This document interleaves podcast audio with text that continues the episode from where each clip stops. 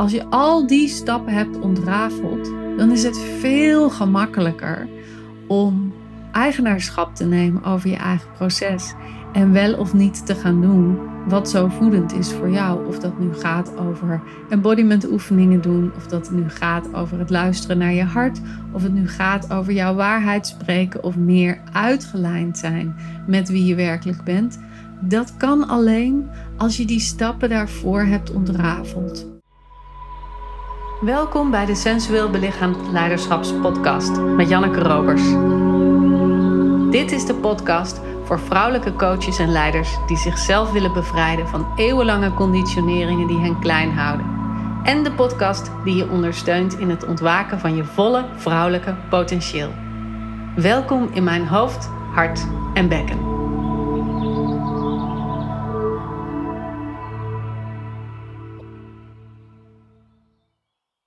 Een tijdje geleden had ik een gesprek met een potentiële deelnemer en die zei tegen mij: Ja, ik moet het gewoon gaan doen. Ik moet gewoon thuis die feminine embodiment oefeningen doen. Ik weet het allemaal wel. Daar heb ik geen programma voor nodig. Ik moet gewoon weer aan de slag.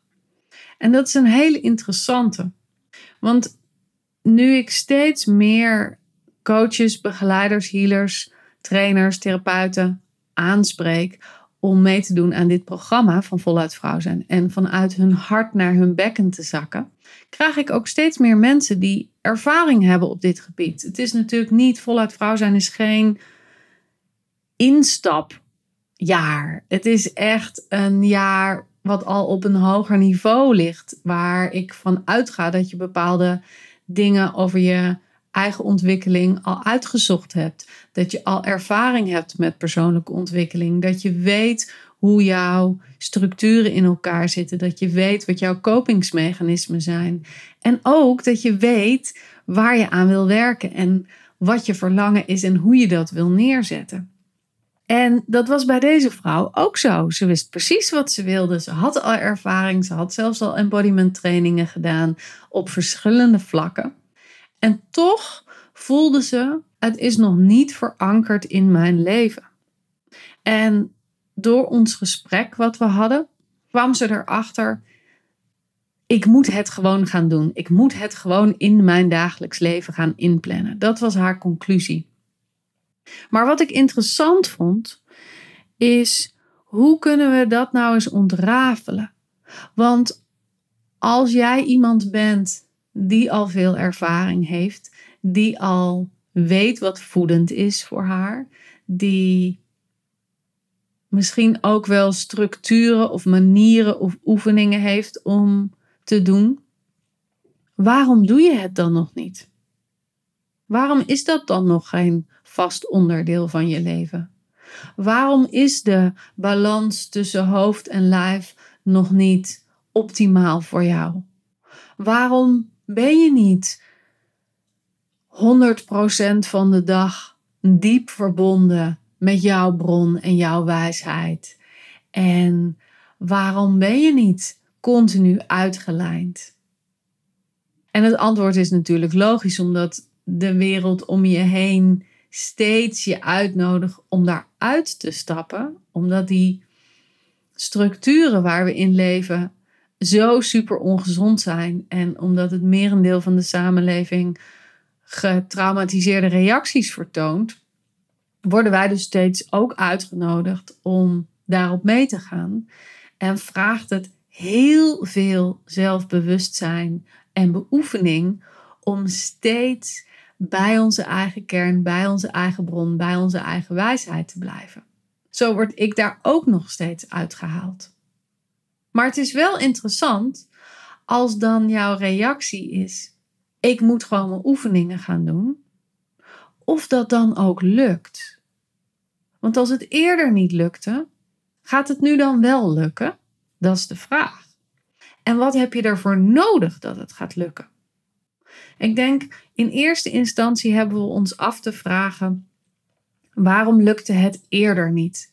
Wat zorgde ervoor dat kennis of wijsheid of oefening die ik in mijn rugzak heb, niet een dagelijks onderdeel van mijn leven zijn, niet verankerd zijn in mijn leven, niet gebruikelijk zijn of automatisch zijn? Dus dat is een goede vraag om je te stellen. Waarom lukte het eerder niet? En wat is de achterliggende gedachte daarbij? Is dat bijvoorbeeld dat je nog steeds belang hecht aan resultaat? Of dat je nog steeds ergens onderhuid het gevoel hebt dat als je bijvoorbeeld keihard werkt, dat je dan applaus krijgt. Of misschien betekent het wel dat als jij je neerzet als coach of therapeut of healer of begeleider, dat je je voor moet doen als dat je alwetend bent en niet mag falen. En juist daardoor faal je ontzettend erg.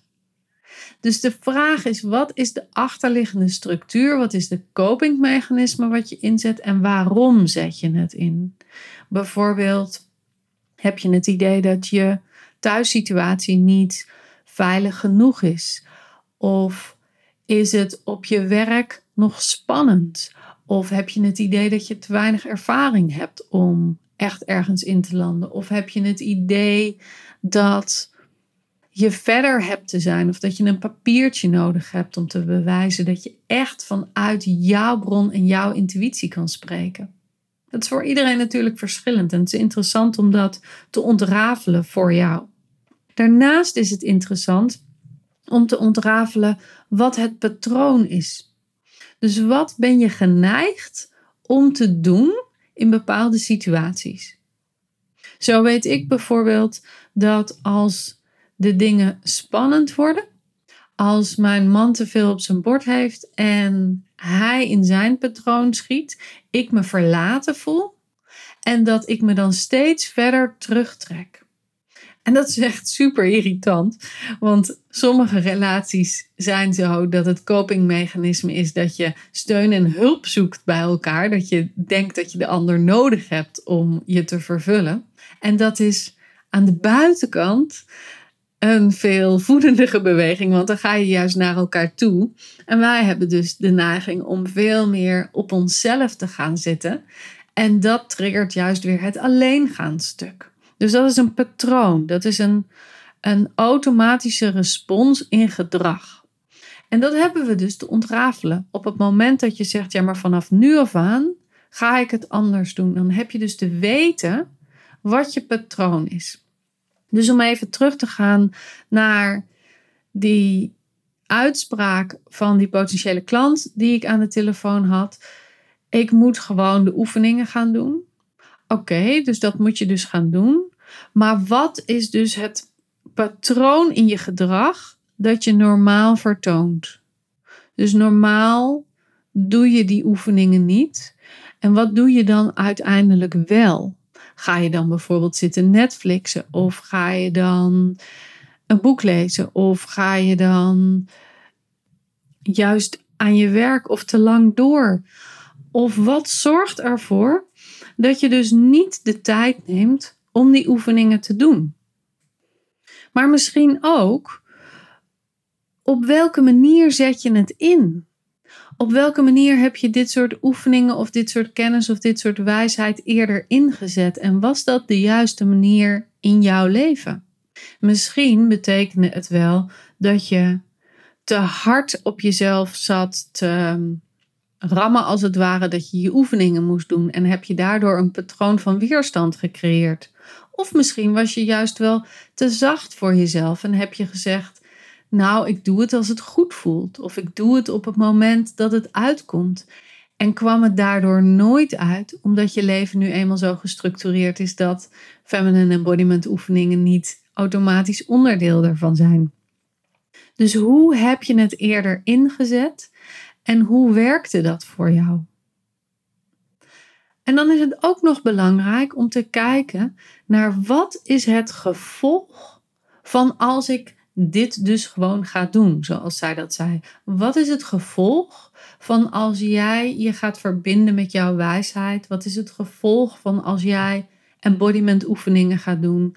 Wat is het gevolg van als jij je sensualiteit gaat openen en gaat aanspreken? Want misschien ben je onbewust wel heel bang voor het gevolg. En heb je onbewust in de gaten dat als jij voor jezelf kiest, dat je bijvoorbeeld niet voor de ander kiest. En dat dat betekent dat jouw partner bijvoorbeeld een avond alleen is. Of dat je kinderen hun eigen thee moeten inschenken na schooltijd. Of dat je klanten minder tijd en aandacht van je krijgen, omdat jij meer tijd en aandacht voor jezelf inplant. Misschien betekent het wel dat als jij jouw sensualiteit laat stromen, dat je gaat merken dat je partner en jij niet op dezelfde level zitten. En dat er een, een scheiding op handen is, omdat jullie allebei een andere weg opgaan. Misschien betekent het wel dat als jij jouw wijsheid gaat eren en jouw wijsheid gaat spreken, dat je niet meer bij je groep vriendinnen hoort, omdat daar de code is dat je je inslikt. En dit kan op onbewust niveau allemaal meespelen. Dat je weet dat je het hebt te doen. Dat je weet dat je hier op aarde bent gekomen om te verbinden met jouw kern, jouw bron, jouw sensualiteit, jouw innerlijke kracht en alle vrouwelijke capaciteit die er in je zit. Maar ben je ook gebonden aan de aardse consequenties? En op een onbewust niveau weet je wat die consequenties zijn en wil je die niet dragen? En dat is natuurlijk je goed recht, hè? dat snap ik helemaal. Ik zou ook bepaalde dingen niet willen doen als dat betekent dat mijn gezin daardoor uit elkaar valt. Ik vind mijn gezin belangrijker dan mijn eigen vrijheid. Al is dat toch ook soms een heel groot strugglepunt, omdat vrijheid een heel belangrijk goed voor me is. En omdat ik dus wel af en toe weekendjes weg voor mezelf heb in te plannen en dat ook echt heb te doen. Ondanks dat ik dan de verkramping in mijn hart voel, ondanks dat ik dan voel, oh, dan zijn zij alleen, of ondanks dat ik dan voel, dan moet mijn man voor mijn dochter zorgen, of ondanks dat ik dan voel, dan komt er een grote lading van verantwoordelijkheid op jullie te liggen. En ik ontloop misschien tussen aanhalingstekens mijn eigen verantwoordelijkheid. Heb ik toch dat te doen? En als ik weet dat dit onbewust meespeelt, kan ik veel gemakkelijker tegen mijn man zeggen: hey, het is tijd voor een weekendje alleen. Ik moet even weer bij mijn eigen bron komen. Is het oké als ik dan en dan wegga? Als ik niet weet dat dat onderhuids meespeelt, dan laat ik die onbewuste gedachten mijn gedrag beïnvloeden. En ga ik dat niet vragen en stel ik het dus uit. En kom ik dus ook op zo'n punt waarbij de klant die ik sprak zei: Ik moet het gewoon gaan doen, maar ik doe het niet. En dat is dus waarom we zo hebben te ontrafelen wat daaronder ligt. Want als je weet waarom het niet lukt, wat de achterliggende gedachte is die je tegenhoudt, wat je patroon in je gedrag is, wat de manier is waarop je het eerder hebt ingezet en dat het misschien niet werkte, de manier is waarop je tegen jezelf praat en waarop je dat wat je wil doen niet of wel inplant. En wat het gevolg is van als je het wel gaat doen. Als je al die stappen hebt ontrafeld, dan is het veel gemakkelijker om eigenaarschap te nemen over je eigen proces. En wel of niet te gaan doen wat zo voedend is voor jou. Of dat nu gaat over embodiment oefeningen doen, of dat nu gaat over het luisteren naar je hart, of het nu gaat over jouw waarheid spreken of meer uitgelijnd zijn met wie je werkelijk bent. Dat kan alleen als je die stappen daarvoor hebt ontrafeld. Dus tegen iedereen die al ervaring heeft met persoonlijke ontwikkeling, die veel kennis heeft, die veel weet heeft van wat voedend is om te doen, maar dat nog niet doet op de manier waarop jij vindt of wil of verlangt of hungert dat dat in je leven plek neemt. Ga deze dingen eens onderzoeken. En ga eens onderzoeken wat jou kan ondersteunen om dat aan de ene kant te ontrafelen en aan de andere kant daar iets voedends of een hulpbron of een ondersteuning tegenover te zetten. En natuurlijk ben je van harte welkom om dat bij voluit vrouw zijn te doen. En de structuur en de bedding en de ondersteuning van de groep en van mij daarin mee te nemen. Maar dat hoeft natuurlijk niet. Hè? Je kunt het natuurlijk ook op andere manieren in je eigen leven doen. Je kunt er ook voor zorgen dat je een eigen zuster supportgroepje creëert. Waarmee je bijvoorbeeld iedere week appt en zegt: Hey, heb jij dit en dit gedaan wat je zou doen vorige week? Of dat je, nou, net zoals dat je een sportmaatje hebt, dat je een embodiment maatje zoekt. Omdat je dan een externe prikkel hebt om het daadwerkelijk te doen. Of misschien betekent het dat je nu je agenda pakt en kijkt naar de rest van het jaar en zegt: Oké, het is belangrijk dat ik tijd voor mezelf inplan. Dat ga ik dan en dan en dan en dan doen. En dit zijn de gevolgen en dit is hoe ik de gevolgen oplos. Of misschien betekent het wel dat als jij iemand bent die heel erg met to-do-lijstjes werkt, dat je gewoon de komende 40 dagen bovenaan het to-do-lijstje één heerlijk, lekker, ontspannen, voedend moment voor jou zet. En dat je jezelf uitnodigt om dat eerst te gaan doen. Omdat je op die manier een wat automatischer, gestructureerdere manier invoegt om voedende dingen toe te voegen aan je leven. Gewoon omdat het bovenaan je to-do-lijstje staat. Nou, dit zijn allemaal manieren waarop je jezelf meer support en meer ondersteuning kunt geven. En nogmaals, je bent van harte welkom om die steun en support te vinden bij Voluit Vrouw zijn. Daar krijg je natuurlijk ook een bak aan oefeningen die je kunt doen, aan manieren hoe je met jezelf om kunt gaan. Je krijgt ook ondersteuning in het onderzoeken van wat speelt er nou bij jou op de onderlaag. Wat houdt je tegen en wat zijn de onbewuste patronen in jouw leven die ervoor zorgen dat je niet optimaal van jezelf gebruik maakt. En je hebt mij natuurlijk als een jaar lang jouw persoonlijke begeleider in je broekzak. Je kunt me altijd appen en uh, krijg je altijd een, uh, een voicebericht terug dat af en toe zelfs mini-podcasts zijn met uitleg die uh, specifiek voor jouw situatie van toepassing is. En waarbij ik ook kan inzoomen op wat is er nou nodig in jouw omstandigheden, in jouw werksituatie, in jouw relatiesituatie.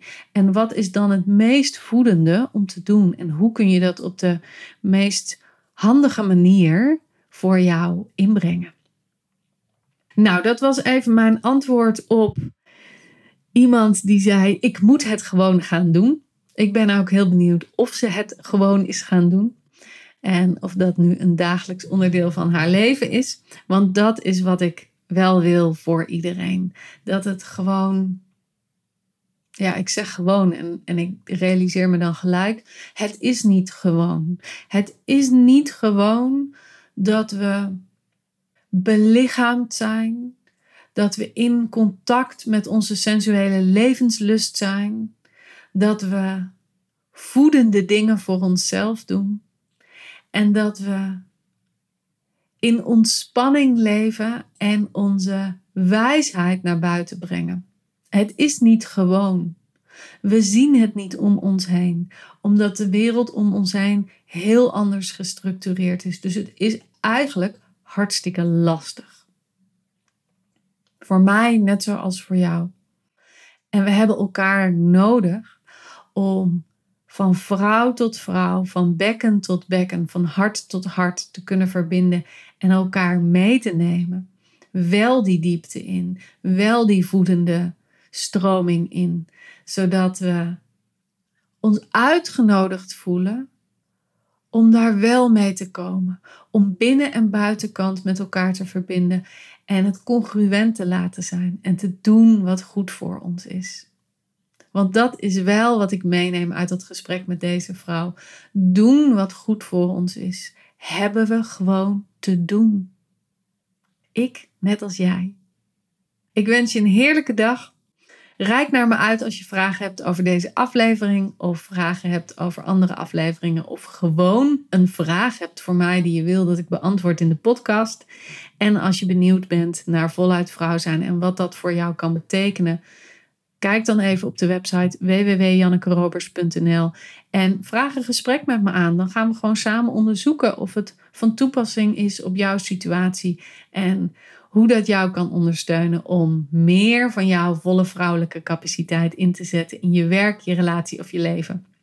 Voor nu een heerlijke dag en tot de volgende aflevering. Doei doei!